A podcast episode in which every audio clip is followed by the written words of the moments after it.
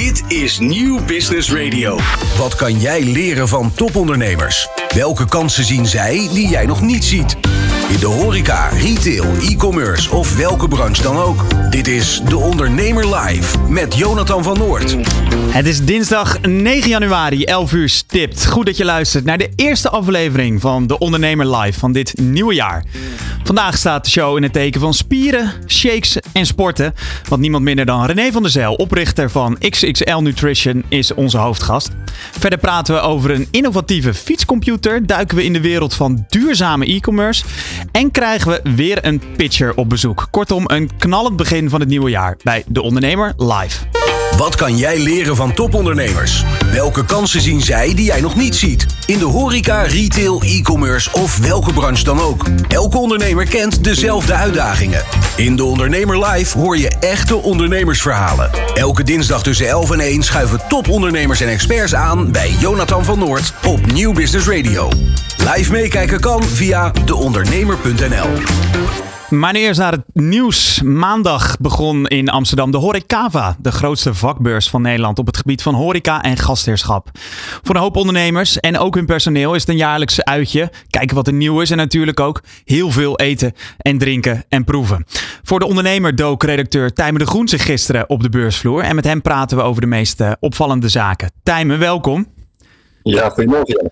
Ja, uh, om even met het uh, harde nieuws te beginnen. Het stond ook uh, op de site van, van de ondernemer een quote van Koninklijke Horeca-voorzitter Marijke Vuik. Ze begon met een opvallend bericht. Vertel daar eens meer over. Ja, klopt. Haar bericht is eigenlijk dat, dat de prijzen in de horeca flink zullen moeten gaan, moeten gaan stijgen. Om te zorgen dat, dat ondernemers ehm, winstgevend kunnen zijn en blijven op een niveau dat goed genoeg is. Daarmee reageerden ze eigenlijk op getallen van het Food Service Instituut, die gisteren op de horeca bekend zijn gemaakt. En die getallen lijken in eerste instantie best positief, namelijk een stijging van de omzet in de horeca. Maar als je gaat kijken naar waar het vandaan komt, dan zie je daar eigenlijk een heel negatieve tendens in. Want de stijging van de omzet komt alleen maar omdat de prijzen al gestegen zijn. En uh, niet omdat mensen meer uit zijn of meer naar de horeca zijn gegaan, uh, de categorie meer bezoeken of meer uit eten gaan. Ja, en dan ja, maak je dus eigenlijk geen, uh, geen winst. De, de, bij zulke cijfers. Te, ja. te, te, weinig winst, zegt ze eigenlijk. Ja. Uh, dat was dan de, de reactie van de KN-voorzitter, dat er wel uh, een beperkte winstgevendheid in zit. Uh, bij veel bedrijven zit die op dit moment tussen de 6 en de 9 procent uit mijn hoofd, maar die zou een procentpunt of vijf hoger moeten liggen om een, een businessmodel te kunnen hanteren. En kan de horeca dat? Kwam dat ook uit haar, uit haar verhaal, de prijzen met bijvoorbeeld 12% verhogen? Uh, nou, dat, dat werd gisteren wel door het Food Service Instituut goed ge, geduid. Uh, dat eigenlijk de prijselasticiteit, om een economische term te gebruiken, uh, uh, wat minder is dan verwacht. En dat betekent dat als de prijzen omhoog gaan, mensen nog steeds wel naar de horeca blijven gaan. terwijl eerder verwacht werd dat als de prijzen een bepaald procent zouden gaan stijgen, dat mensen juist minder vaak zouden gaan. En, en... Wat je ook bij vooral ziet, is een enorm verschil tussen de generaties. het klinkt bijvoorbeeld heel goed dat de babyboomers 31% meer hebben uitgegeven in de horeca. Dan denk je, nou, daar moet je op gaan focussen. Uh, maar eigenlijk uit diezelfde cijfers blijkt dat dat wel heel erg goed klinkt. Maar dat een uh, babyboomer gemiddeld in 2023 zo'n 485 euro per jaar uitgaf aan het, uh, aan het uit gaan. en dat is echt significant minder dan de, de generatie waar, waar jij en ik deel van uitmaken. Ehm, en wij geven uh, gemiddeld genomen, de millennials en de generatie Z, dus eigenlijk iedereen die na 1980 geboren is, die geeft zo'n 2200 euro per jaar uit aan uh, uit eten gaan alleen. Dat is vijf keer meer timen dan, uh, dan mijn ouders, om het maar zo te zeggen. Klopt, klopt. Daarom wordt het ook wel de, de gemaksgeneraties genoemd. Hè, de, de mensen die, die gewend zijn om snel nog even ergens wat te gaan eten of kort s s'avonds uit eten te gaan. en daarom zie je ook dat die, die, die snel food concepten uh, steeds belangrijker worden, steeds groter deel uitmaken. En dat die absolute bovenkant van de markt, dus uh, een beetje de, de restaurants met Michelinster, waar je echt uitgebreid de hele avond gaat, gaat zitten dineren, die blijven maar een heel klein, klein gedeelte hiervan. En Tijmen, jij hebt er ook lekker rondgesnuffeld, van alles geproefd en, en gegeten, maar ook innovaties gezien. Wat, wat viel je zo al op? Nou, de, de Horeca Innovatie Awards die, die werden gisteren uitgereikt. De, grote winnaar daarvan, de overall winnaar, was een concept van cateraar Albron. Dat heet Smaakchef. En dat is eigenlijk een concept waarvan je denkt, joh, dit, dit, was toch altijd al zo. Ehm, wat zij namelijk de, voorzien is een, een kok in de keuken van zorginstellingen, die de, de afgelopen generaties er, eruit is bezuinigd. En zij zien twee problemen tegelijkertijd. Enerzijds personeelstekort en anderzijds veel uh, klachten over, het, uh, over de kwaliteit van het eten. En daarom zorgen zij dat er een, een externe kok bij komt. Zodat de mensen die al werken in die zorginstellingen zich volledig met, uh, met de cliënten bezig kunnen houden. En niet ook s'avonds nog het, het eten moeten gaan werken. Kijk, dat is sympathiek. En buiten de prijzen nog opvallende ondernemers gezien bijvoorbeeld? Nou, welke uh, voor andere ondernemers uh, erg interessant is, is een concept dat heet Purify. Uh, zij meten alle dranken die je uitgeeft achter een bar. en dan echt tot op de druppel nauwkeurig. Dus als jij zorgt voor een mixdrankje, dat je niet per ongeluk toch iets te veel inschenkt. Een dubbele borrel. Een dubbele borrel. Nou, de, de meest ervaren barmedewerkers die, die zullen dat ook weer niet zo snel doen, maar toch wel net even iets te veel. En als je dat één keer doet, is dat natuurlijk niet zo erg. Maar als je dat over het hele jaar op gaat tellen, dan kunnen daar best wat extra kosten in zitten. Uh, zij hebben een, uh, een tool ontwikkeld die dat allemaal in de gaten houdt. Uh, maar tegelijkertijd ook het personeel traint en motiveert door een soort van gamification toe te voegen. Zodat je spelletjes kan gaan spelen tussen verschillende bouwmannen wie het, wie het meest productief is of wie het meest efficiënt werkt.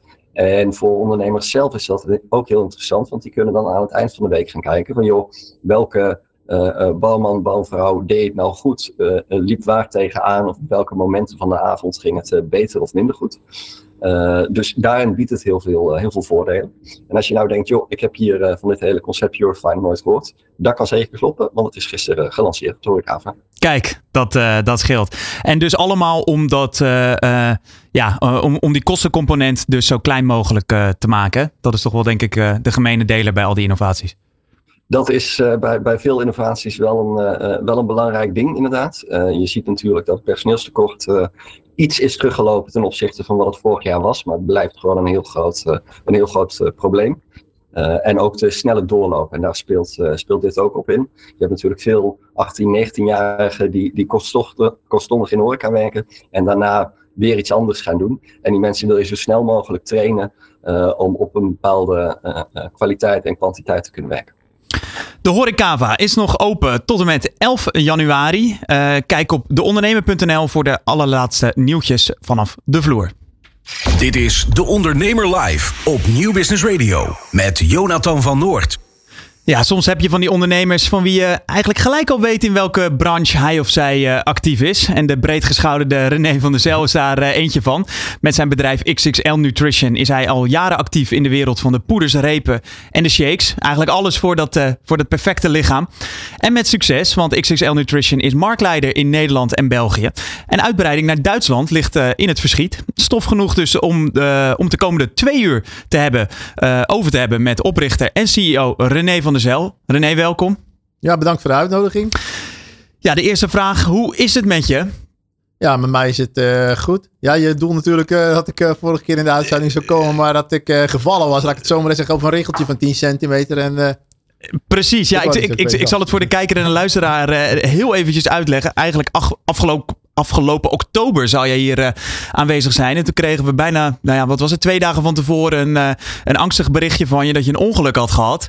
Uh, en in het ziekenhuis bent terechtgekomen. Kan je in het kort vertellen wat er, wat er aan de hand was? Wat je... Ja, je noemt het een ongeluk, maar eigenlijk was het gewoon eigenlijk helemaal. Het was een ongelukje met een wat grotere consequentie. Ik heb een of ander afstapje gemist van 10, 15 centimeter. Waardoor ik me verkeerd terecht kom en beide quadriceps pezen afgeschud heb van mijn knie.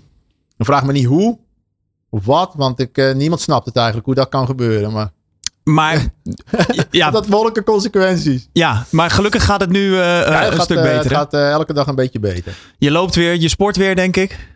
Up, maar nog niet running, zeg ik dan maar. Ja, hè? dus nee, het gaat de goede kant. Ik ben elke dag mee bezig, dus uh, het komt wel goed. Het heeft wel een beetje tijd nog. Een procent per dag gaat het nou beter, dus 100 dagen nog. Oké, oké. Nou, in ieder geval goed, uh, uh, goed om je te zien. Um, ja, XXL Nutrition. je bent best wel zichtbaar als ja, het gezicht, de voorman van het bedrijf. Toch nog even kort de historie, ook al heb je dat al zo vaak verteld. vertel eens even, wat is het voor bedrijf en hoe ben je het begonnen? Met welk idee? Nou, het idee is eigenlijk begonnen. Het is twintig jaar terug vanuit een eigen behoefte. Dat ik, uh, ik deed dan bodybuilding. In die tijd gebruikte eigenlijk alleen mensen die bodybuilding deden of wielrennen gebruikten supplementen. Ik kreeg buikpijn van dat spul wat er toen te verkrijgbaar was. En kwam in Duitsland in aanraking met iets waar ik dat niet kreeg. Uh, bij een vriend van mij. En die haalde dat in het dorp bij hem. Bij een producent van babyvoeding. En dat ging je bij achter de achterdeur. Moest gingen we dan halen. Een beetje klop aan de deur. En dan kwam je met de emmertje aan. En dat nam ik mee. En dat ging supergoed. En vrienden van mij gingen dat ook gebruiken. En dan nam ik mee. Vond ik ook goed. En ik ging voor steeds meer mensen meenemen. Tot op een gegeven moment er iets gebeurde. Dat ik dacht, van, daar, daar, daar moet ik iets mee. En wat was dat moment dat je ja, dacht dat was die eh, BMW die ik opgekreukeld had. Maar dat heb ik al zo vaak verteld natuurlijk. Nou, ik zal het nog één keer vertellen. Maar ja, iedereen blijft erom vragen. Je denkt, ja, daar heb je die man weer met zijn BMW.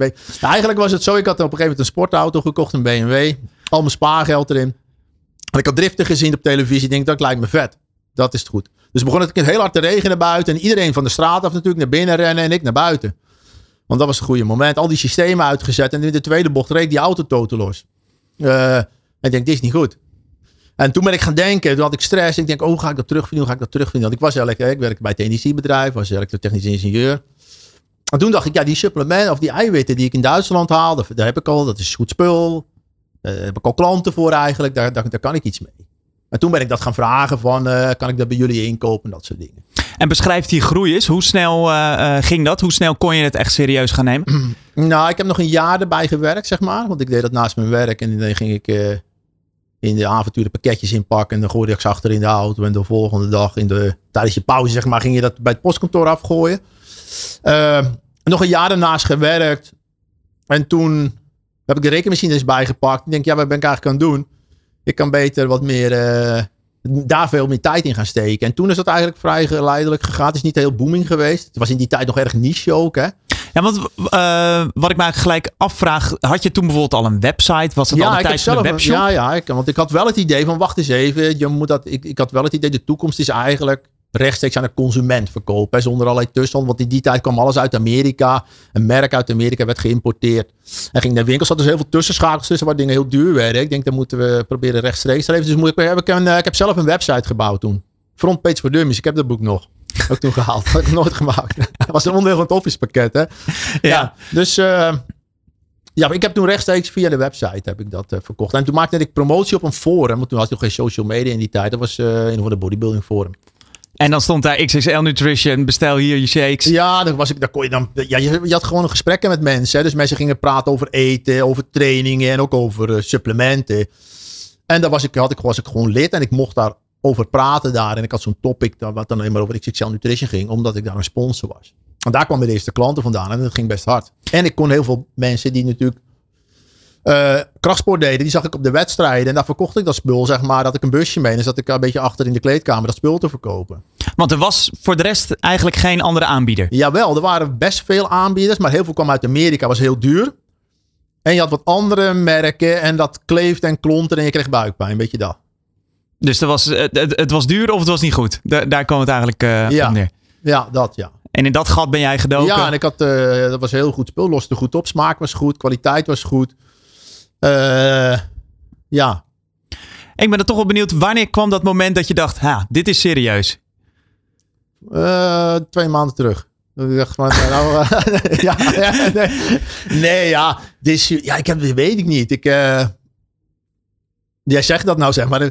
Ik heb nog steeds het gevoel dat wij niet echt een serieus bedrijf zijn. Dat klinkt heel raar. Hè? Maar dat, uh, kijk, we zijn Natuurlijk doen we onze dingen. Het voelt niet heel corporate aan of heel, heel, ja, heel strak. Of, er zijn nog steeds gewoon leuke mensen. Allemaal lekkere jonge gasten. Ja, ik ben wat ouder dan. Maar die gewoon lekker bezig zijn met z'n allen. Want om even het beeld te schetsen, uh, 200 man uh, in dienst. Ja. Een omzet die dit jaar richting de 88 miljoen gaat als het allemaal mee zit. Ja, maar even de wind in de rug nog krijgen. Hè? Maar uh, we, we, gaan ervoor. Maar dat zijn significante cijfers. Ja. Ehm, we hadden hier enige tijd geleden hadden Manon van Essen, ondernemer, ja. in de uitzending. Zij zit nu ook in de supplementenmarkt. En ik vond het wel grappig dat zij zei um, dat ze het eigenlijk best wel een lastige markt vond. Ze had dat misschien wat makkelijker ingeschat. Even goed aan de SEO werken zichtbaarheid. En dan, uh, dan loopt het vanzelf wel. Het zijn even mijn woorden. Ja. Ja, Hoe zie jij dat? Maar zou ook ook een uh, soort marketplace worden, had ik begrepen. Hè? Want van me verkopen ze ook onze spullen. Verkopen we onze spullen wat op haar platform. Ja, ik... Uh, het, is een, het is een hele lastige markt. Maar ik denk in deze sector dat merk misschien nog wel belangrijker is in sommige andere eh, markten. Omdat mensen zijn ja, met hun sporten bezig, zijn met hun eten daarmee bezig. Ze zijn heel erg gedreven in, hebben daar een soort passie voor, vinden dat belangrijk. En die willen dan op het moment dat ze dan sportsupplementen gaan nemen, wel een, merk hebben waar ze op vertrouwen. Wat een goede naam heeft. En dat is iets waar wij gewoon de laatste twintig jaar echt aan gebouwd hebben. En wij hebben gewoon hele solide kwaliteit. Staat bij ons ook altijd op nummer één. Wij leveren heel veel professionele sporters, Olympische sporters, heel veel voetbal, uh, eredivisie teams leveren wij onze producten. Uh, en daarom is het merk gewoon heel erg belangrijk. Dat zien we op heel veel plekken, zeg maar. En nog wat belangrijker is misschien op andere gebieden. Wat kan je die markt een beetje schetsen? Van uh, hoeveel spelers zijn er? Uh, ja, wat, zijn jouw concurrenten? Waar, moet, waar moeten we dan een beetje aan denken? Ja, er zijn er, kijk, eh, zonder concurrentie geen markt. Hè? Dus, dan heb je geen markt. Dus ja, er is best veel concurrentie, ook in Nederland. Maar er zijn ook heel veel merken die er waren. Die zie je nu niet meer. Hè? Die dan verkeerde beslissingen genomen of die zakken ineens weg. Voor ons trouwens een, voor mij een teken dat we altijd aan de bal moeten blijven. Dus het gaat supergoed, ja super, maar niet arrogant, niet raar gaan worden jongens. Niet Gewoon de les, dagelijks verbeteren. Hè? Daar moeten we moeten bovenop blijven zitten. We moeten aan de bal blijven, niet achterover gaan hangen. Dus dat is altijd een goede les, vind ik altijd om je heen te kijken. Ja, je hebt zeker concurrentie ook internationaal. Dus het is niet alleen Nederland, maar ook internationaal. Ik heb Duitsland, je hebt een groot Engels bedrijf. Je hebt MyProtein bijvoorbeeld, dat is wereldwijd super groot. In Nederland had je Body and Fit, je hebt ESN uit Duitsland. En dan heb je natuurlijk nog de influencers heb je in Nederland nog. Waarvan ik uiteindelijk denk dat de influencers hebben dat supergoed gedaan in een markt die uh, Corso, Mobicep, heb je ja, ja, wel hè. Uh, die brengen een nieuwe doelgroep in aanraking met supplementen, waardoor ze dat uh, ja, in aanraking kopen, spullen bij hun gaan kopen. Maar ik denk ook dat heel veel mensen uiteindelijk wel klant van ons worden. Dat het voor de lange termijn wil je dan misschien toch. Ja, kijk, wij zijn echt natuurlijk een specialist. We zijn een groot merk, een groter aanbod. Uh, betere pricing, denk ik. We hebben gewoon meer. We zijn een specialist. Dus dat is anders. En ja, ik verwacht. Maar daar heb ik geen bewijs voor. Maar gevoelsmatig uh, denk ik dat ze gewoon de markt in zijn geheel gewoon groter maken. Ja. Ja, ik denk dat je daar nog wel eens, uh, wel eens gelijk in kan hebben. Uh, ik ben ook wel benieuwd, hoe zie jij die markt dan uh, in de toekomst van? Hè? Nu, nu, zijn er toch nog wel een paar grote spelers. denk je dat, dat er misschien één, twee grote het gaan bepalen? Of blijft het altijd wel een mannetje of vijf? Ja, nou, dat, dat weet ik niet. Kijk, je hebt altijd kansen hè, voor nieuwe merken. Dat, is, dat blijft altijd. Kijk, het gaat.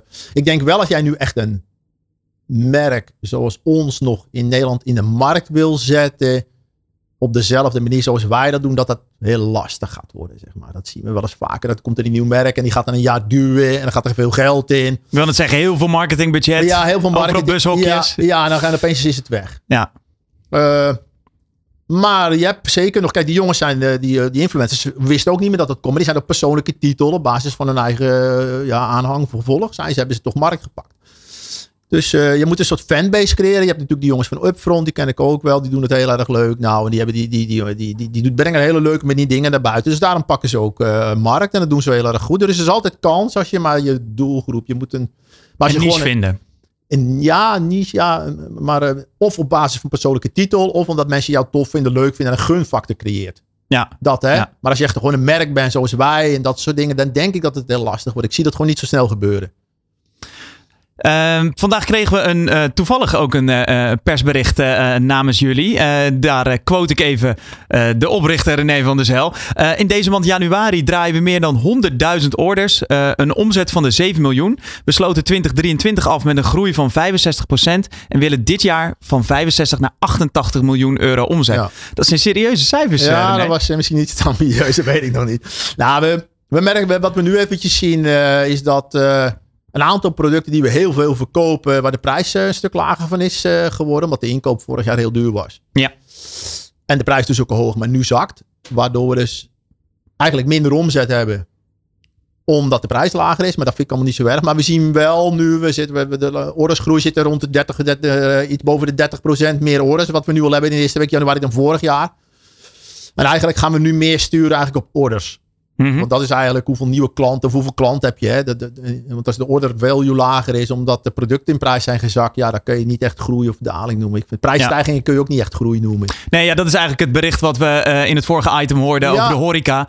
Dan lijkt het alsof het goed gaat, maar eigenlijk komt het gewoon dat het biertje eh, eh, Ja. 50% duurder is, of 50 cent duurder is geworden. Dan kan je niet zeggen dat je er eh nou zoveel meer van verkocht hebt. Nou, Eh, wij kijken eigenlijk altijd wel naar orders, omdat het aantal bestellingen vanuit particulieren rechtstreeks bij je site zegt iets over de populariteit van je merk. We liggen natuurlijk ook in retail, in sportscholen en dat soort dingen. Maar je, het sentiment in de markt, dat zie je aan hoeveel particulieren bij jou bestellen. Als dat daalt, dan weet je dat de rest ook na gaat eilen en later ook dat minder gaat worden. Dus voor ons een hele goede graadmeter altijd. Maar toch, die eh, 88 miljoen is ambitieus. Ja. Maar da- daar ga je wel voor. Ja. Je zei het er net ook al, niet gaan, eh, eh, gaan verslappen. Heb je daar een, een groeiplan voor liggen voor dit jaar? Nee. Nee, nee nou, normaal hebben we ook, ik zeg altijd, eh groei is geen eh, doel op zich, maar het resultaat van de dingen die we doen. Dus nu hebben we wel een bepaalde groei, eh, wat waar we naartoe willen. Eigenlijk deden we dat vaak niet. Hè. We, kijk, we, we- ik vind het ook, het is een beetje, het lijkt, zo'n zo, zo'n doel is allemaal leuk, maar je hebt er niks aan. Ben, er zijn heel veel mensen het mee oneens hoor, dat snap ik. Eh, maar wij zijn eigenlijk, we weten wat we goede dingen willen doen. We, willen met, eh, we vinden dat we meer advies moeten geven aan mensen op de website als ze bij ons komen. Oké, dan, dan gaan we met een AI werken die heel veel kennis heeft. Ik denk, kun je eindeloze vragen stellen. Die gaat jou helpen om je juiste producten te laten kiezen. We hebben betere samenwerkingen. De site wordt slimmer. We gaan meer met data doen, segmenteren. Noem het gelijk maar op. Dus je hebt allemaal goede ideeën. En uiteindelijk ga je die gewoon uitrollen. En die resulteren in iets. En als je dan de goede dingen hebt, resulteert het in groei. En hoeveel dat is, heb je niet in de eigen hand. Als je te veel op groei blijft sturen, dan blijft die groei achter. Wat ga je dan doen? Korting. Ja. Maar dat willen we juist niet. We willen juist minder korting. Kwaliteit moet leidend zijn. Ja, maar ook, je wil ook geen kunstmatige groei. En dan moet ik het zeggen, je wil een eh, organische groei die gewoon gebaseerd is op hoe goed je het als merk doet. En niet gebaseerd op aanbiedingen of allerlei kortingsacties die je hebt gehouden. Of samenwerkingen waar je allerlei influencers of eh, eh, ambassadeurs hebt met kortingscodes. Dat willen wij allemaal niet. Maar dat is wel vaak wat er gebeurt als je echt wil groeien. Want dan is de omzet heilig. En dan gaan we dus dat. Want als je meer korting geeft, gaat je omzet weer omhoog. Zie, zie je dat bijvoorbeeld bij concurrenten wel? Dat je dan denkt, Ik zie van, dat heel oeh, veel. dat had ik niet zo gedaan. Ja, zeker. Wij zijn bij heel veel, bij heel veel merken eh, heb je dagelijks gewoon vier e-mails in. De ding dat er een korting is. Ja, dat doen wij gewoon niet. Kijk, wij zijn een aanmerk. Eh, wij eh, zitten echt op de kwaliteit. Wij denken, ja, wij weten dat het dus eigenlijk iedereen weet diep in zijn hoofd wel dat altijd korting en kwaliteit, gaat gewoon niet hand in hand. Dat, dat, dat klopt, dat matcht gewoon niet. Dus Mhm. wij hebben onze kortingsacties hebben wij teruggebracht naar vier per jaar. Aan een paar momenten dan. Hè. Nu in januari net, dan net voor de zomer, na de zomer back to the gym en Black Friday dat. Ja, en, en daar blijft het dan. eh, Ja, daar blijft het bij. En dan hebben we altijd een leuk thema aan zitten met filmpjes erbij. Dus niet zomaar even korting erin, maar echt wel eh, leuk filmpjes erin geïntroduceerd. En dat hangt ook aan een thema. Vorig jaar zei je dat voor 2024 Duitsland eh, op het programma staat. Kan je daar een update over, over geven? ja, daar zijn we nou aan het, aan het opstarten. Dat gaat op zich goed. Ja, Amazon blijft een beetje lastig, want elke keer word je er weer afgegooid omdat ze weer iets vinden. En eh, ik, snapt er helemaal niks van, joh. Maar goed, dat hebben we uit mijn steen. Maar dat komen we deze week weer online. Dus het begint bij goed te lopen. En dan lig je er weer af omdat ze weer een of andere iets gevonden hebben. Dat, waar ze, dat weer een reden is dat je eraf gaat. Maar goed, dat, dat, dat loopt. I- i- zijn dat inhoudelijke redenen? Of, eh, Oh. ja, dan je is dan er aan een, eh, ja, hebben we, we hebben heel iets met de BV's moeten wijzigen in de vorkstructuur. En dan is er een BV tussen gekomen omdat er ontroerend goed in moet of zo. En dan, ja, nou, nee, maar dan word je meteen offline gegooid. Ah, omdat ze je BV moet eens even die dingen. En dan duurt het eh, drie weken voordat je weer terug bent. Of een banknummer, een bankrekeningnummer wat je wil wijzigen. En dan word je meteen offline gegooid. Het is echt eh, gek allemaal. Maar dat, eh, ja, op zich goed. We zijn bezig met een partij om... eh, we zijn de eerste supermarkten zijn we het uitrollen. Franchise eh, zijn we weer die meters aan het zetten die we hebben. Dat loopt op zich goed. We hebben een aantal, we hebben iemand of twee of drie mensen die ons helpen in Duitsland om ook in de retail te komen. Daar gaan ook de eerste geluiden. Want er is een partij in Duitsland nu die veel in de retail ligt, maar dat is negatief in het nieuws geweest. Over iets met illegale medewerkers. En daar was even de field eh, met 150 man over de vloer gegaan- gekomen daar. Ja, in Duitsland is dat eh, geen grap, zeg maar. Nee, nee, nee. Illegaal. Eh, en eh, ja, daar, daar zit momentum in. Dat, dat gaat eigenlijk wel de goede kant op. En eh, eh, verschilt de aanpak voor, eh, voor Duitsland dan met Nederland en België? Mm, Ja, kijk, in Nederland en België hebben het merk gebouwd. Daar kun je heel erg op leunen. Daar moeten we echt nog heel veel merk bouwen. Dus je moet merk laden. Dus je gaat niet echt producten verkopen, maar meer filmpjes laten zien van iemand die aan het sporten is. En dan een beetje de sfeer. Want eigenlijk Branding. zeg je, eh, je, je, je zegt er net van als je dat in Nederland zou willen doen zoals wij het doen. Ja, dat wordt heel erg lastig. Maar nu ga je misschien hetzelfde in Duitsland proberen. Ja, klopt, klopt. Maar wij gaan er niet als breed merk in. Want niet met alle producten. Wij hebben een beetje een aantal producten in ons assortiment gevonden. die die in Duitsland eigenlijk niet hebben. En we zien wat we daar momentum krijgen. Dus we willen groeien vanuit een niche daar. Zoals, wat heb je in Eh, Duitsland niet? lactosevrije producten bijvoorbeeld hebben wij. We hebben een aantal producten die lactosevrij zijn, zoals een wijproteïne. Die heb je daar eigenlijk niet. En we zien nu dat het 8 van de 10 aankopen in Duitsland die lactosevrije eh, die wei is bijvoorbeeld. Dus daar gaan we dan op inzetten en groeien vanuit het niche. Dat is een beetje de insteek. Ja. En dat begint nu echt al Begin wel... momentum eh, te krijgen, maar dat heeft gewoon wel even tijd nodig. En als je dat eh, afzet tegen Nederland en, en België, dan is er dus veel meer niche. En, ja, voorlopig wel. en- Want anders, waarom zou iemand dan bij ons gaan kopen? Als iemand een pot creatine, ja, die hebben ze daar Ja. ook. En dan gewoon een wijsje hebben ze ook.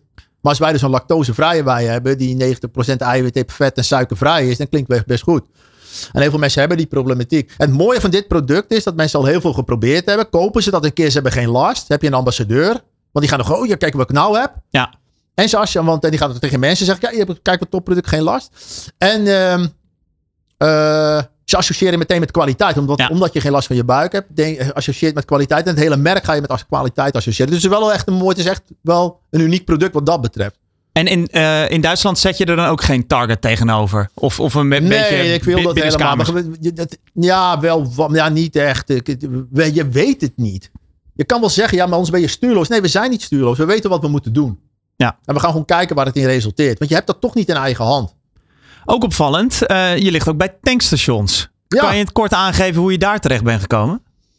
Eh, nou, dat is meer op een gegeven moment dachten we van, goh, we liggen eigenlijk overal behalve to-go-markt. We hebben daar nooit mee bezig gehouden. We doen er een tijdje daarmee, be- eh, zijn we daarmee aan de gang gegaan. Iemand zei, dat moet je niet doen. Niet aan beginnen. Want je hebt een tankstation nodig, de oliemaatschappij, toeleverancier, inkooporganisatie niet doen. Ik denk, nou ja, gaan we doen. dan juist doen? Nou ja, maar toen hebben we in contact met Lekkerland gekomen. Die heeft ons opgenomen. Bij Shell een keer gaan pitchen voor een product pitch day. Dat pakte best goed uit. Vanaf april liggen we dan straks ook in heel veel Shell. Alle Shells eigenlijk met onze spullen. En met, eh, met Vissers Energy. En, eh, eh, ze hebben gesproken. Die hebben ook heel veel tankstations. Dus we hebben best wat samenwerking. Waar we in die tankstations krijgen. Met die protein drinks en proteinbars. En, en onze spullen verkopen tot 2,5, 3 keer meer. Als, het, als hetgene wat ze hadden. We hebben de cijfers gezien. Ik weet niet meer precies, maar het was wel significant meer, zeg maar. Dus dat was mooi om te zien. Maar dat is dus het merk weer. Ja. En dan is het dus eigenlijk zo dat eh, man of vrouw die net getankt heeft, loopt naar binnen, ziet die reep liggen, denkt, nou, die neem ik mee, die ken ik, die is van René. En dan... eh, ja, niks Excel dan, of misschien ja. van René. Ja, Ja, dat ja. kan ook. Ja, nee, precies dat. Het merk, ja. Ja. Want mensen die dat kopen, doen aan sport en performance, die kopen eiwitrijke producten. En ze hebben dan bijvoorbeeld Danone of Melkunie. Maar Danone, dat ken jij van het Danoontje. Ja. Dat associeer je niet met sport en performance. Nee, nee, die, nee, mist- Die, die, die match klopt niet helemaal. En we zitten dus tegenwoordig toch wel in zo'n sportmaatschappij dat je dus zelfs bij een tankstation nog een shaky wil, eh wil ja, ze drinken. kant en klaar gewoon, hè. Ja. Dus eh, zeker. Ja. Kansen zat, eh, zo hoort het maar weer. Straks praten we verder met René van der Zijl. Maar eerst gaan we het hebben over fietsen. Je luistert naar De Ondernemer Live. Elke dinsdag live van 11 tot 1. Op Nieuw Business Radio. Als wielrenner wil je jouw prestaties natuurlijk kunnen bijhouden. En dan het liefst via een goede en mooi vormgegeven fietscomputer. Nou Ja, die kan je natuurlijk kopen, maar leuker is het om die zelf te ontwerpen. Dat laatste deed Harm Gies althans. En de fietscomputer van zijn bedrijf Absolute Cycling is niet alleen kwalitatief hoogstaand, maar ook nog eens bijzonder fraai. En om de productie van de fietscomputer met de naam The One te realiseren, haalde die onlangs nog anderhalf miljoen euro op. Genoeg om over bij te praten, dus Harm, welkom. Dankjewel. Ja, ehm, je hebt hem volgens mij ook, eh, ook bij je. Hè? Eh, de fietscomputer met de naam The One. Vertel eens even je elevator pitch. Wat is het? Ah ja. Ehm, ja, fietscomputer. Ehm, bij, ik vind fietscomputers die nu op de markt zijn ehm, vrij irritant, om eerlijk te zijn. Eh, ze vragen heel veel aandacht van je. Eh, ze zijn inderdaad ook niet zo heel erg mooi. Ehm, dus ik heb bedacht om een fietscomputer te maken die de wielrenner volledig laat ontspannen. Een sterke vertrouwensband eh, eh, kan opbouwen met de computer. Ehm, ja, en dat hij er ook heel erg mooi uitziet. Dus ehm, waar wij in uitblinken is inderdaad design, uh, maar vooral gebruiksgemak. Um, dus de computer zal nooit jou iets vragen. Geeft je altijd op een hele heldere manier alle juiste data. Dus uh, snelheid, positie, gradient, hoogte, noem maar op. alles klopt 100%. En um, ja. Want, want om even het beeld te schetsen, uh, jouw ervaringen met andere fietscomputers, dan zat je meer op de computer te letten dan op de weg. Klopt. Ja, ja. en dat, uh, dat hoor en zie ik ook bij heel veel andere wielrenners. Uh, dat ze heel erg gefocust zijn op dat apparaat. Omdat ze altijd met een klein beetje pijn in de buik zitten van ja, klopt het wel? Reflecteert dit wel goed met wat ik aan het doen ben? Um, heel typisch verhaal is van, van iemand die ik goed ken. Uh, die ging voor het eerst in zijn leven de Alpe d'Huez op. Ja, dat is best wel een zware ja, klim. Ja, zeker. En, Franse berg. Ja, en als het heel stijl is, nou, dan gaan je benen echt zeer doen. Ja. En op zo'n moment wil jij even kijken, oké, okay, hoe stijl is het hier? Zodat je jezelf ook een klein schouderklopje kan geven en weer hard door kan gaan. Dat je die 9% even getackeld hebt. Uh, Precies. Ja. Maar als daar dan staat 4%, oh, oh, dan doet het extra pijn. Dan is het best wel een teleurstelling. En dan begin je te ergeren. Denk van, ja, 4%, dat klopt toch helemaal niet. Het is veel stijler, gaat inderdaad meer richting de 10. Is er iets mis? Is er iets mis met mij? Nou, die frustraties gaan wij wegnemen. Ja, want je moet gewoon kunnen vertrouwen op de techniek. En zeker weten dat een bepaald percentage een bepaald percentage is. En dat je snelheid gewoon altijd de goede snelheid uh, is. Uh, dan ben ik toch wel benieuwd. Dan zoals uh, zoveel ondernemersideeën, dat begint dan met een, uh, met een duidelijke frustratie. Mm -hmm. uh, maar dan is het ontwerp er nog lang niet. Kan je in het kort schetsen hoe dat is gegaan? Um, nou, ik ben inderdaad eigenlijk, het is geboren uit de frustratie van mezelf als wielrenner. Um, daarna ben ik gaan kijken naar van, goh, wat voor technieken zijn er nu, worden er nu gebruikt? nou ja, GPS is er. Um, maar heeft ook zijn tekortkomingen. Toen ben ik gaan bedenken van, goh, hoe kunnen we eigenlijk die tekortkomingen oplossen? En um, daar heb ik de hulp voor gevonden in een kennisinstelling in België, Flanders Make. En zij hebben met mij, uh, zijn met mij gestart voor een eerste proof of concept voor een uh, sensorfusie technologie. En uh, die ben ik daarna gaan doorontwikkelen samen met Inspira, een partner in Arnhem. En, en, en, en wat voor technologie, Harm? sensorfusie. En wat houdt dat in het normale mensentalen vocabulaire in? Nou, wij fuseren dus GPS-informatie samen met bewegingssensoren die in de computer zelf zitten. Dus ja, we kunnen je al jouw motion richtingen en bewegingen meten. we weten ook precies wat de vrijheidsgraden zijn van een fiets. We weten ook waar de computer op de fiets zit. Dus nou, een wielrenner die zal nooit in één keer horizontaal bewegen. En dat gaat altijd met een vloeiende Ja. bocht, eh, vooral rechtdoor. Dus eh, we kunnen eigenlijk van consumer grade elektronica eh, kunnen we alle sensoren ehm, filteren en verbeteren naar een, eigenlijk een heel hoogwaardig niveau, eh, waardoor we ja, een hele goede, heldere informatie kunnen geven aan de gebruiker. Duidelijk verhaal. Nu ben ik toch wel benieuwd. Hè? Het is eh, eh, kijkradio. Dus voor de mensen die via YouTube of onze homepage eh, inschakelen. Die kunnen nu zien wat een klein... Ja, het, is een klein zwart doosje. Maar er is best wel wat unieks aan. Ook al, of allereerst bij het ontwerp. Hè? Vertel eens wat, wat meer daarover.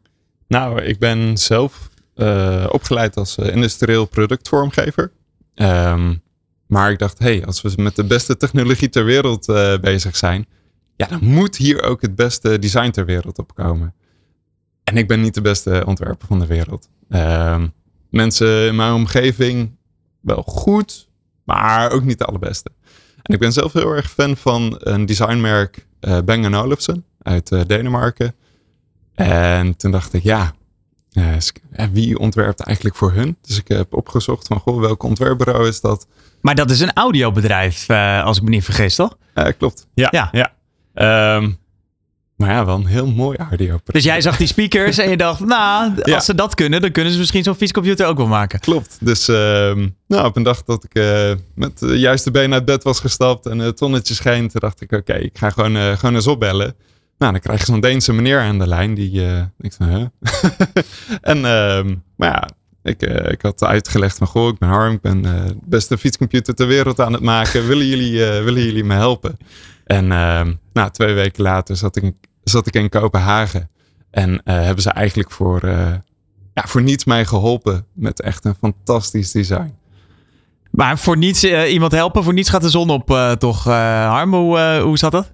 Nou, dat was voor hun ook wel, denk ik, een soort pet project. Kijk, we hebben wel, uh, wel iets betaald hoor, maar niet een commercieel tarief. Dus uh, zeker toen in het begin ben ik door ja, heel veel mensen gigantisch geholpen. Omdat eigenlijk overal waar je aanklopt, zijn ook wel wielrenners. En dan beginnen die ogen te fonkelen en dan, wauw, gaan we, gaan we echt iets heel erg cools maken. Ja, ja, oké, let's go. En um, ja, is het toch gelukt om op die manier een bedrijf op te, op te richten. En um, ja. Maar je bent al eventjes bezig. Kan je de, de tijdspannen een beetje schetsen? Van uh, uh, ja, dit gesprek tot, uh, tot waar je nu bent. Want hij ligt bijna in de winkel, hè? Bijna, ja. het bedrijf is in 2016, of sorry, 2018 opgericht. een paar jaar daarvoor had ik al wel het idee, maar nou, had nog eventjes tijd nodig om goed te marineren. Um, en sindsdien ja, is het ook wel een beetje vallen en opstaan geweest. Zeker met in de coronaperiode was best wel lastig. Uh, Waar zat de moeilijkheid in daar? Oh, uh, ja, ook wel geld. Op een gegeven moment was ook wel weer het geld op. En uh, tijdens COVID was het heel erg lastig om uh, nieuwe financiering te, te vinden. Terwijl toch iedereen toen juist op de fiets sprong, hè? Ja, ja. Ik, ik werd ook helemaal gek. Ik dacht, ja, nu, we moeten nu gewoon door. Maar ja, uh, was, was toch wel lastig. Zeker als je ja, niet meer in één keer bij iemand op bezoek mag. Dan ja. Ja, wordt het wel moeilijk. daarna ook wel de chipcrisis gehad. Um, ja, dan is in één keer je processor niet meer leverbaar. ja, oei. ja, dan hang je. ja, um, ja, best wel ook wel een boel tegenslagen gehad. Maar we, ja, we zijn er ook altijd doorheen gekomen. Juist omdat ja, iedereen gelooft er heel erg in. Uh, we zijn bezig met iets supermoois, iets heel erg unieks. En um, ja, is het toch gelukt. Dus um, ja, we zijn nu nog vooral heel erg bezig met ja, software bugs. Uh, software zonder bugs bestaat niet. Maar ja, we moeten toch nog echt uh, een paar stappen maken om aan het minimal value product te gaan voldoen. En we willen deze lente inderdaad in de winkel leggen. en dat gaan we doen zowel online via onze eigen site. Dus dat er maar één kanaal online te vinden is op onze pagina. En dat we bij de 50 beste retailzaken in Nederland in de winkel liggen. Dus de echte wielerboutiques. En uh, met, met, een mooi woord noem je dat uh, tegenwoordig een omnichannel uh, strategie. Van waar deze keuze? Dus een eigen webshop en bij die ja, echte goede wielerzaken. Nou ja, ehm, kijk, online pak je natuurlijk een gigantisch bereik. Hè, met, met online marketing kan je ja, best wel makkelijk je, je doelgroep targeten. Um, maar het is ook ja, wel een product voor in het hogere segment. niemand kent ons nog. Je hebt die vertrouwen nodig. En uh, we zien onze doelgroep komt graag bij zijn wielenzaak. Daar kent hij de mensen. Daar ik koopt hij zijn dure fiets. Ik denk dat dat ook heel um, veel ehm, mensen zijn. En dan uh, de mensen over wie ik het heb, die weten dat ik het over hen heb. Die gewoon heel graag te vallen om even te kijken wat er nou allemaal nieuw is in zo'n winkel. Oh, die daar gewoon iedere ja. maand eens eventjes uh, binnensnuffelen om te kijken van hè, wat, uh, ja, welke gadget is er nu die net even dat extra procentje extra geeft. Dat grammetje eraf. Ja. Dat, ja, 100%. Ik, ik vind het zelf ook altijd heel erg leuk om in een wielenzaak rond te lopen. Um, ja, echt, echt liefhebberij, inderdaad. Als je een, een nieuwe bril koopt, ja, dan ga je in één keer harder rijden. Dat, ja, dat, dat is gewoon zo. Um, dus daarom denk ik dat het ook een heel erg goed kanaal is om, om een fietscomputer te, te verkopen. Wat nu eigenlijk bijna niet het geval is. Het is alleen maar online. Iedereen uh, ja, maakt meer reclame, nog grotere acties. Waardoor een retailer eigenlijk zijn product niet verkoopt. Uh, wij geloven juist wel heel erg in dat kanaal, omdat er heel veel aandacht is voor de klant. Uh, je kan daar je service krijgen. En dat veel meer het verhaal eigenlijk ook verteld wordt dan alleen maar de specs, denk ja, ik. Uh, precies. Ja, ja. Over hoeveel geld hebben we het eigenlijk, Harm? Wat die gaat kosten? Ja. um, nou, we hebben hem nog niet 100% vast. we gaan wel deze maand, gaat de kogel door de kerk. Maar ja, reken op uh, rond uh, de 600 euro. eh, consumentenprijs. En eh, ten opzichte van andere fietscomputers, eh, is dat dan eh, eh, een veelvoud of valt dat nog wel mee? Nee, nee. Ehm, nee, we concurreren qua prijs eigenlijk één op één met het topmodel van, eh, ja, van de grootste concurrent. En die is zelfs nog ietsje duurder, maar ehm, ja, die van ons is wel echt een heel stuk beter. Ja, dat, eh, da- daar zijn we nu inmiddels achter. Je, je hebt ook onlangs eh, eh, anderhalf miljoen financiering weten op te halen. Je hebt ook met crowdfunding gewerkt. Kan je uitleggen hoe dat heeft plaatsgevonden en wat je met het geld gaat doen? Oh, nu. Ehm, ja, nu was het een, enerzijds een doorinvestering van de huidige business angels die we al aan boord hadden. En inderdaad een aantal nieuwe. Ehm, ja, je gaat overal pitchen. Elke week. Ehm, en uiteindelijk eh, ja, vind je een aantal mensen die denken: yes, dit is het. Ehm, dit is, ja, het verhaal klopt. Eh, dat ze het vertrouwen in mij hebben en in het team. En ja, dat, je zegt van ja, we gaan gewoon samen een heel erg mooi product maken. Die alle wielrenners wereldwijd eh, blij gaat maken. En eh, eh, nou ja, je, je, je hebt nu dus eh, even grof gezegd de zak met geld binnen weten te halen. Wat ga je met het geld nu doen op de korte termijn? Waar gaat het in zitten? In puur, puur de operatie of ook nog andere Ah, dingen in het verschiet? Alles, hè. Dus ontwikkeling draait continu door. Dat is best wel duur. We zijn natuurlijk de marketing aan het opzetten. Dus we zijn een nieuwe site aan het maken. Noem maar op, de communicatie aan het opzetten. Ehm, ja, dat kost best wel veel geld. Ehm, je hebt natuurlijk de eerste voorraad nodig. Nou ja, voorraadfinanciering is ook altijd best wel een stukje. En tegenwoordig hoef je echt niet meer bij een bank daarvoor aan te Nee. kloppen. Nee. Nee, ik moet trouwens wel zeggen, in, in het begin heeft de bank ons eh, wel gigantisch geholpen ook.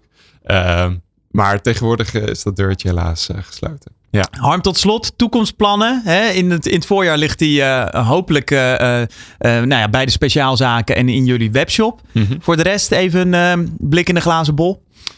Ehm, nou, het doel van het bedrijf en ook mijn doel is om, om sporters wereldwijd meer te laten genieten van de sport. En het ook meer te gaan doen. Ehm, dus ja, eh, natuurlijk gaat er ook ooit een model 2 en 3 van de fietscomputer kopen.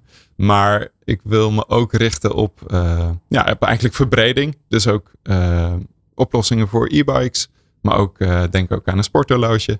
Eh, of eigenlijk, ja, een gadget voor eh, ja, beweging en eh, tracking. Maar dan op een hele ontspannen manier. Waardoor iedereen de informatie gaat snappen. En ehm, zo min mogelijk twij- tijd kwijt is met ja, een apparaat. En zoveel mogelijk tijd met ja, buitenbeleving. Daar, eh, daar gaat het om. Nou, dat vind ik al een heel mooi streven voor eh, 2024. Eh eh, dankjewel, Harm Giezen van Absolute Cycling. Dankjewel. Leren van topondernemers. Kansen zien waar anderen overheen kijken. Dit is De Ondernemer Live. We praten nog steeds met René van der Zel, oprichter en CEO van XXL Nutrition. En dat is de marktleider in Nederland en België op het gebied van sportvoeding. Ja, vandaag kwam naar buiten dat eh, het omzettarget, hoewel we dat eh, niet zo mogen noemen, eh, voor 2024 op 88 miljoen euro ligt. Dus dat, is, dat zijn significante hoeveelheden shakes en, en repen. Daar ben ik toch wel benieuwd. Dat moet van je klanten eh, eh, komen, eh, René. Heb je een beetje een beeld van wie je klanten zijn? Ja, dat, dat, wordt steeds breder. Kijk, we kopen, verkopen ongeveer 75% 70% 75% rechtstreeks aan de consument. Via de website. Want zo zijn we al begonnen. Het was ooit 100. Maar we zijn natuurlijk steeds meer zakelijk gaan doen ook. Ja, dat, dat ik begon was het eh, 100% man. Tot met 35 weet ik het. Zoiets zal het geweest zijn. En tegenwoordig is het eh 60% mannen, 40% vrouwen. En de leeftijd die rekt steeds verder op. Eh, naar boven toe omdat, kijk, we hebben het natuurlijk over sport. En natuurlijk doen we heel veel dingen met sport, met sportvoeding en zo. Maar we hebben natuurlijk ook heel veel dingen met zoals gewoon vitamine en mineralen en dat soort dingen. En dat is natuurlijk een beetje van alle leeftijden. Maar je ziet natuurlijk gewoon dat steeds meer mensen gaan sporten, ook ouderen. Ja. Dus, eh, En, en daar dus ook die gezonde voeding eigenlijk aan ja, willen die komt dan koppelen. al snel in beeld. Hè, eiwitbehoefte. Daar heb de hele discussie natuurlijk laatst weer over geweest. Hè, over met je broodje kaas en zo. Maar dat gaat natuurlijk niet. Met een broodje kaas ga je het niet redden, zeg maar. Maar je kan het uit je voeding halen, maar dat is lastig. Dus dan is het gewoon een shake heel makkelijk. Ehm, jij noemt je klanten ook wel eens fans. Wanneer had je voor het eerst door dat je fans had met XXL Nutrition? Ja, kijk, dat zeg altijd van, goh, als je natuurlijk een bedrijf start En je verkoopt producten en je verdient daar geld aan. Of je een dienst hebt. Is dat natuurlijk allemaal heel leuk. Maar als je natuurlijk fans creëert, dan is het natuurlijk gewoon echt wel next level. Dan maakt het wel heel extra leuk. Ja, wanneer ben ik erachter gekomen? Ja, we hebben wel in gehad dat mensen in het verleden op Facebook toen de tijd of nog op Insta wel dat mensen gezegd slechte dingen over ons gingen zeggen die onterecht waren of raar, waardoor sommige mensen gewoon hun account hebben moeten verwijderen. Omdat heel die community in opstand kwam. Ja, en het, wat ik ook wel heb, kijk, uh, je, we merken, we hebben zeven accountmanagers op de weg, relatiemanagers noem ik dat eigenlijk. Ja, hij zegt, die rijden met XXL-bus. Het is er de hele dag uh, mensen met, met biceps voor de ramen. Shakebekers staan ze te zwaaien. Toeteren. Dat gaat de hele dag door, zeg maar. En ik merk dat zelf ook, want uh, ja, tot 2020 wist eigenlijk niemand wie ik was. Want ik denk, ja, niemand heeft behoefte aan zo'n kale gast. We moeten gewoon zo'n binky naar buiten brengen. Daar heeft niemand behoefte aan. Totdat ik een keer met JJ Boske dan een keer kwam filmen bij mij. Dat is een vriend van mij geworden. En daar buiten kwam en een keer bij ons kwam filmen met Selfmade, was dat. En dat mensen zeiden van, goh, dat, dat we eigenlijk hele leuke reacties kregen. Dat had ik nooit verwacht. En dat, dat gingen mensen mij ook herkennen. Ja, dan kom je ergens en, en uh, ja René, ik ken jou, je bent die gast van die shakes leuk man, ik vind het super leuk en uh, leuk dat verhaal van jou, maar ook gewoon ik gebruik je producten, ik ben super blij mee, ik raad het allemaal vrienden aan, een fotootje maken. Ja, ik denk dat is wel echt gewoon mooi. Ja. Ja, daar word je gewoon blij van. Ja, dat vind ik dan, ja, dat, dat uh, Kijk, oh, je, je, kan je natuurlijk afvragen waarom is dat? Hè? Want waarom zou je fan worden van een merk? Maar het heeft natuurlijk te maken met sport en passie van mensen is daar komen wij in beeld en dan komen die producten. Dat mengt zich samen en dat hele gevoel rondom dat sport en die passie daarvoor. Dat mengt dat, dat merk XXL, wij worden dan meegetrokken, zeg maar. Dat denk ik dat dat een beetje is. Want waarom zou je fan van een merk worden eigenlijk? Ja, maar dan moet een merk denk ik ook wel een bepaalde oprechtheid hebben. Dan moet je het echt voelen. Dan moet je echt, je, je, je wil je er bijvoegen als het ware. Dan moet het wel kloppen. En dat Klopt dan ja, ja, nee, dus. nee, dat is. Ja, maar ik vraag me dat zelf wel eens af. Eigenlijk moet ik dat eens mensen wel eens vragen van, ja, hoe zie je dat dan en waarom is dat dan? Dan krijg je waarschijnlijk geen antwoord. Dat is een gevoel, want het is waarschijnlijk een gevoel. Maar ik vind het super mooi. Uh, ja, god, en hebben we natuurlijk, uh, en, en, maar je hebt natuurlijk ook gewoon mensen die fan van je zijn, of je ambassadeur, kun je dat bijna noemen, dat ze fijn behandeld worden. Er gebeurt iets bij de klantenservice, is een probleem. Dus op het moment dat ze helpt, doe je iets meer voor ze terug en dat ze verwachten. Je gaat iets kapot of iets. Ja, doe je extra's in de doos. Hey, die hebben vervelend voor je. Doe je dit er extra bij. Of hey, normaal uh, nemen we iets niet retour. Maar je hebt zien dat je een goede klant bent. En dat doen we graag voor jou. Maar niet verder vertellen. Weet je, weet je dat? Ja. Uh, weet je wel. De, dus uh, ja. Ja. En, en merk je dat je daarin misschien wel uniek bent in deze, in deze branche met net dat extra stapje doen? Ik durf dat niet te zeggen. We kijken niet te veel naar anderen eigenlijk. Tuurlijk kijk je uit je ooghoek een beetje wat anderen doen. Maar we zijn heel erg onze eigen dingen aan het doen. Eigenlijk kijken we heel weinig naar anderen. Maar toch nog even dat, dat, dat verschil met die klanten en die, uh, en, en die fans. Wa, wa, wa, waarin uitzicht dat nog meer dan?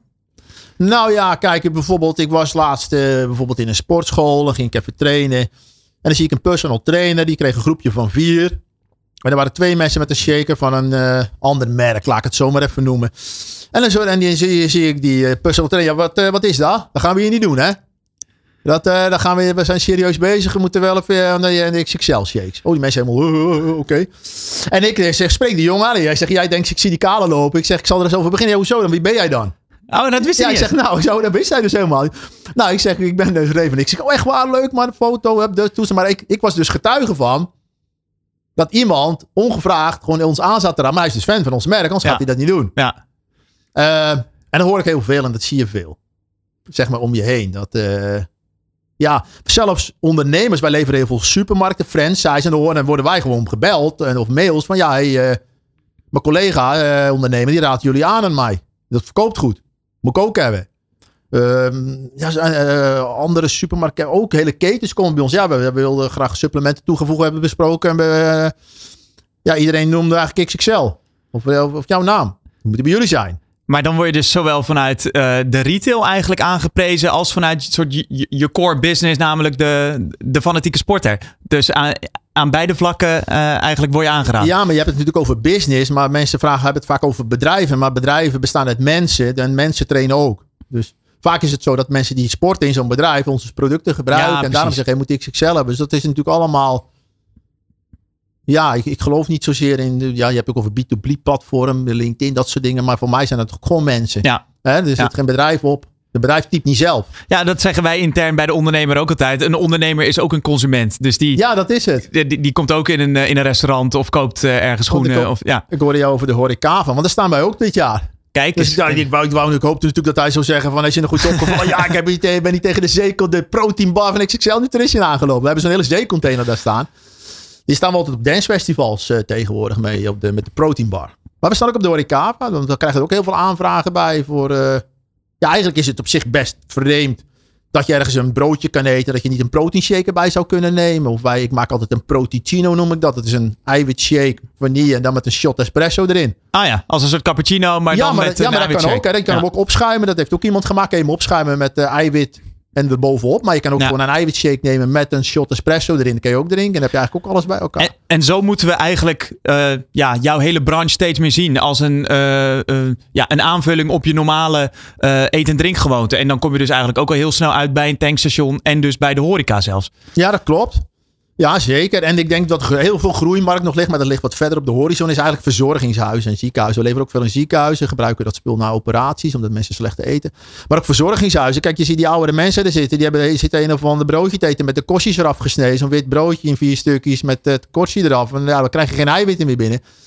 Maar als je die spieren worden, die breken af, komt nooit meer terug. En dat komt omdat je te weinig eiwit eet. Dus daar ook ligt nog veel... eh, ja, daar is ook nog een hele grote markt. Maar goed, er moet nog heel veel in beweging komen. zeg Ik wou net zeggen, ik wou net zeggen. Ehm, we, we hadden het net eh, dus over die klanten en die fans. Ehm, dan heb je het al snel eigenlijk over weten wie je klanten zijn. En dan kom je al heel snel bij data uit. Hoe belangrijk is data in jullie bedrijfsvoering? Eh, ja, kijk, we deden altijd heel veel op onderbuik. En dat is allemaal heel leuk natuurlijk. Maar we doen tegenwoordig ook wel wat meer met data. We hebben een heel data warehouse gebouwd. Dat is een soort... Daar komt alle data in samen. En vanuit die data kunnen we gegevens halen. Eh, dus daar doen we steeds meer mee. Hè? Dus hebben we een actieweek. En dan heb je, ga je mensen mailen. En hebben we de laatste dag. En zeggen we oké, maar la- degene die nog niet besteld hebben. Die kunnen we dan een sms gaan sturen bijvoorbeeld. Uit de data. Eh, we kunnen personaliseren. Dus we weten op een gegeven moment wanneer heeft iemand besteld. Of de website kan zich aanpassen. Daar zijn we nu mee bezig aan de hand van wat iemand in het verleden besteld heeft. Of wat voor blogs hij leest. Als iemand dan allemaal pre-workouts bestelt of dat soort dingen. Krijg je meer dat soort producten. Is het er meer een duursporter? Of is het iemand die alleen maar vitamines koopt? Dan kan de website zou zich, gaat zich wat aanpassen straks. Dus een echt een aangepaste website Ja, eigenlijk op jouw sportbehoeften. Ja, ja precies. Dus, dus- dus- dus dat je iets meer eh, de look aanpassen. Aanbiedingen die meer gericht zijn op de persoon. In plaats van iedereen maar dezelfde weekaanbieding sturen. Kun je personaliseren voor een deel. Hoe moeilijk is dat om dat te realiseren? Want het klinkt zo logisch, hè? Als jij echt hardcore gewichtheffer bent of je doet aan duursporten, ja, dan, moet je, dan gebruik je niet dezelfde producten. Maar hoe moeilijk is het om zo'n site dan daarop aan te passen en dat dat ook goed gaat? Ja, we hebben daar systemen voor gebouwd. Uh, dus we hebben die heel veel data nou. En nu zijn we dat, omdat we, we moesten wachten op onze nieuwe website. Die is nou net live. Dat is zo'n headless omgeving. Dat heet dat dan, dat het helemaal lekker snel is. En die is meer geschikt om die personalisatie op toe te passen. En we hebben die data en daar zijn we nu mee bezig. We hebben de data al, we hebben de platformen. Dus, uh, maar we doen daar steeds meer mee. En dat gaat eigenlijk, uh, ja, goed. Kan je nog wel een voorbeeld geven van dingen die je vroeger op onderbuik deed? Ja, nou god, kijk, eigenlijk nog steeds. Eigenlijk is het nog steeds. Heel veel dingen kun je helemaal niet meten. Eh, Voor zo'n vind je dat een goed idee? Ja, we hebben geen idee. We hebben ook wat beurzen gestaan, die zijn heel duur. Die zijn 150.000 euro kwijt. De beurzen staan met alles erbij. Ja, is het een goed idee? Ja, geen idee. Ja, ja, als je kijkt elkaar aan, vind je het een goed idee? Dan doe je het. Vind je het geen goed idee? Doe je het niet. Want heel veel dingen kun je niet meten. En dan vaak meet je wat. En dan wordt er een conclusie aangetrokken. Maar die conclusie is zo discutabel. Dat is ook weer. Dan zeg je ja, we, we hebben gemeten. Ja, mits men meten is weten. Ja, mits men weet wat men meet. Maar dat is ook vaak niet zo. Nee. En, dan, en daarna komt er een redenatie om, het, om dat te beredeneren wat je gemeten hebt. En dat, daar gaat het ook vaak krom. Dus er gaat, eigenlijk gaat nog heel veel gewoon op gevoel bij ons. Dat gaat ook lekker snel. En uh, heb je dan een voorbeeld van wat je eigenlijk gewoon nog steeds op gevoel doet en wat ook goed gaat dan? Nou, marktonderzoek. We doen nooit marktonderzoek. We gaan gewoon nieuwe producten lanceren waar wij een goed idee vinden. Uh, hebben we shake machines? Ja, vinden we wel shake machines? Die zo'n automaat. Ja, gaan we die inkopen? Ja, gaan we gewoon inkopen? Vinden we een goed idee? Ja, eigenlijk. Ja, gebeurt, gebeurt eigenlijk, heel, eigenlijk alles. Bijna alles nog op gevoel. Op data beslissen we wel assortiment dingetjes wat en zo. Maar eigenlijk... Misschien meer de bevestiging dan, dat, dat, je, dat je goed zit. Omdat je ook al een onderbuik van 20 jaar hebt. Dat scheelt natuurlijk ja. ook wel. Ja, kijk, het, ja, bijna alles gaat gewoon nog op gevoel. We nemen ook mensen aan op gevoel. Ik neem niet iemand aan op diploma. Ik neem iemand aan op eh, wat, wat, wat voor energie en wat voor gevoel heb je bij die vent of vrouw. Dus eigenlijk eh, ondernemen we heel erg op gevoel.